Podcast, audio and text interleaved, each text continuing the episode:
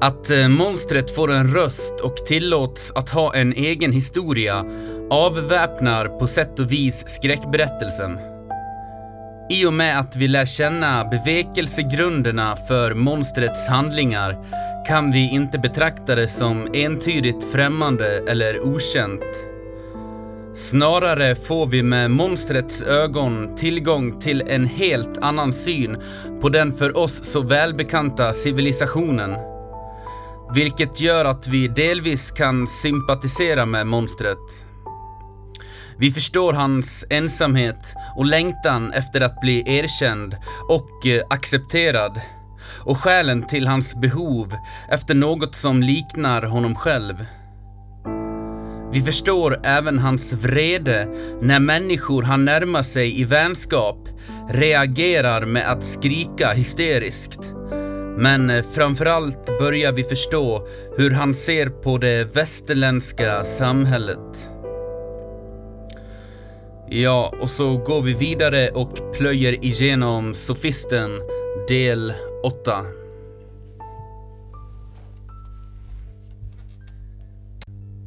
Att ta sig hem ifrån Australien tar någonstans mellan 20 och 30 timmar beroende på hur snål man är. Vi skulle mellanlanda på två ställen och få lov att vänta några timmar på varje flygplats. När vi kom fram till Hongkong såg jag mer eller mindre ut som ett lik. Blev orolig när jag kollade mig i spegeln inne på toaletten. Jag trodde att min sista stund var kommen och att det inte fanns något hopp om att jag skulle få se Sverige igen.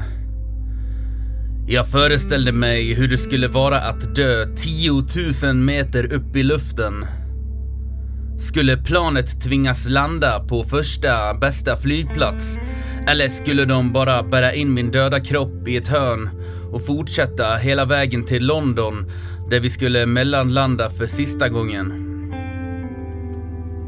Jag stank svett och eh, alla affärerna inne på Hongkong International var stängda. Det var mitt i natten. Jag hade kunnat ge min högra hand för ett par starköl. Eller vad som helst som innehöll alkohol. Hade nog till och med kunnat dra i mig lite rakvatten om jag hade haft något. Så hårt och destruktivt som jag levt de senaste tio dagarna i Sydney hade jag aldrig gjort förut. Om jag minns korrekt så har jag aldrig druckit sprit igen efter resan.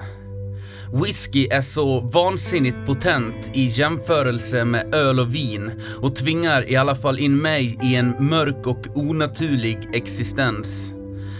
En plats där det inte är meningen att rena själar ska befinna sig. I vilken vansinnets obarmhärtiga våld dominerar och pådrivs av tanklöshet och oförnuft. Som om man i själva verket var besatt av demonen från filmen Exorcisten. Och i, en riktigt rejäl spritfylla är inte ens medvetslösheten särskilt trevlig. Snarare ett slags kemiskt pådriven sömnparalys där verkligheten mest liknar just en skräckfilm.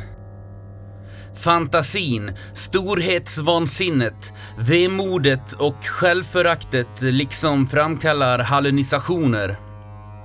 Vidriga bilder som till och med är för grova för Sofisten Podcast.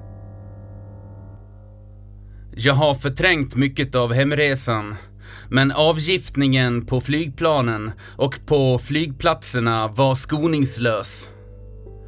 Tror inte att jag kan ge en rättvis beskrivning av den.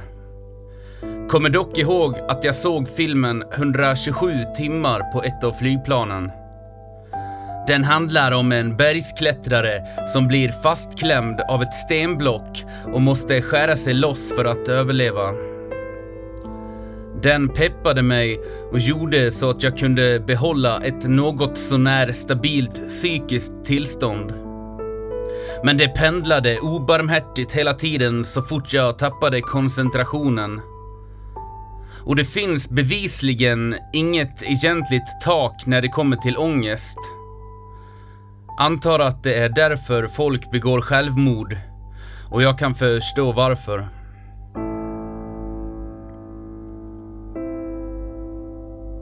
Vi kom hur som helst fram till Sverige, hämtade ut vårt bagage och fixade tågbiljetter hem till Bålänge.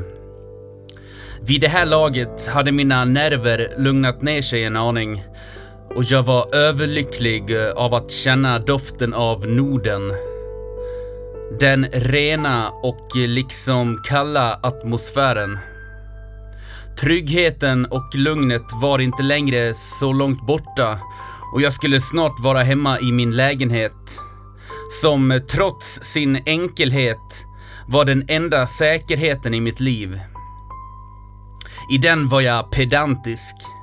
Man skulle säkert kunna kalla det för OCD.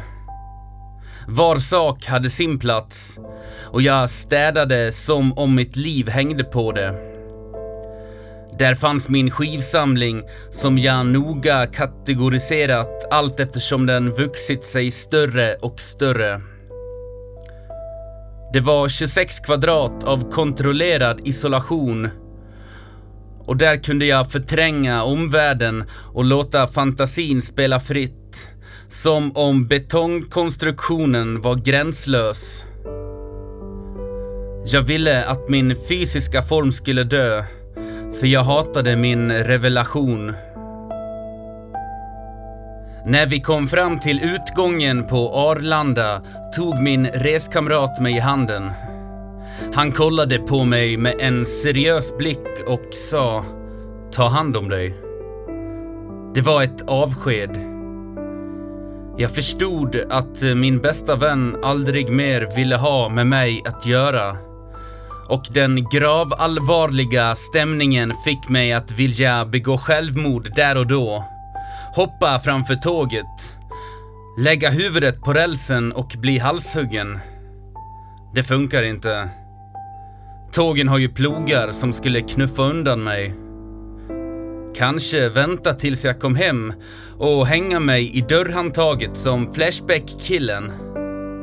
Dock inte sända ut det live, men kanske skriva något brev. Det finns många metoder, men de flesta är rätt långsökta. Ett sätt som förmodligen skulle funka. Bind ett rep runt halsen. Sätt fast det i en lyktstolpe. Hoppa in i en bil, såklart med fönstret nervevat. Gasa sedan iväg så fort som möjligt.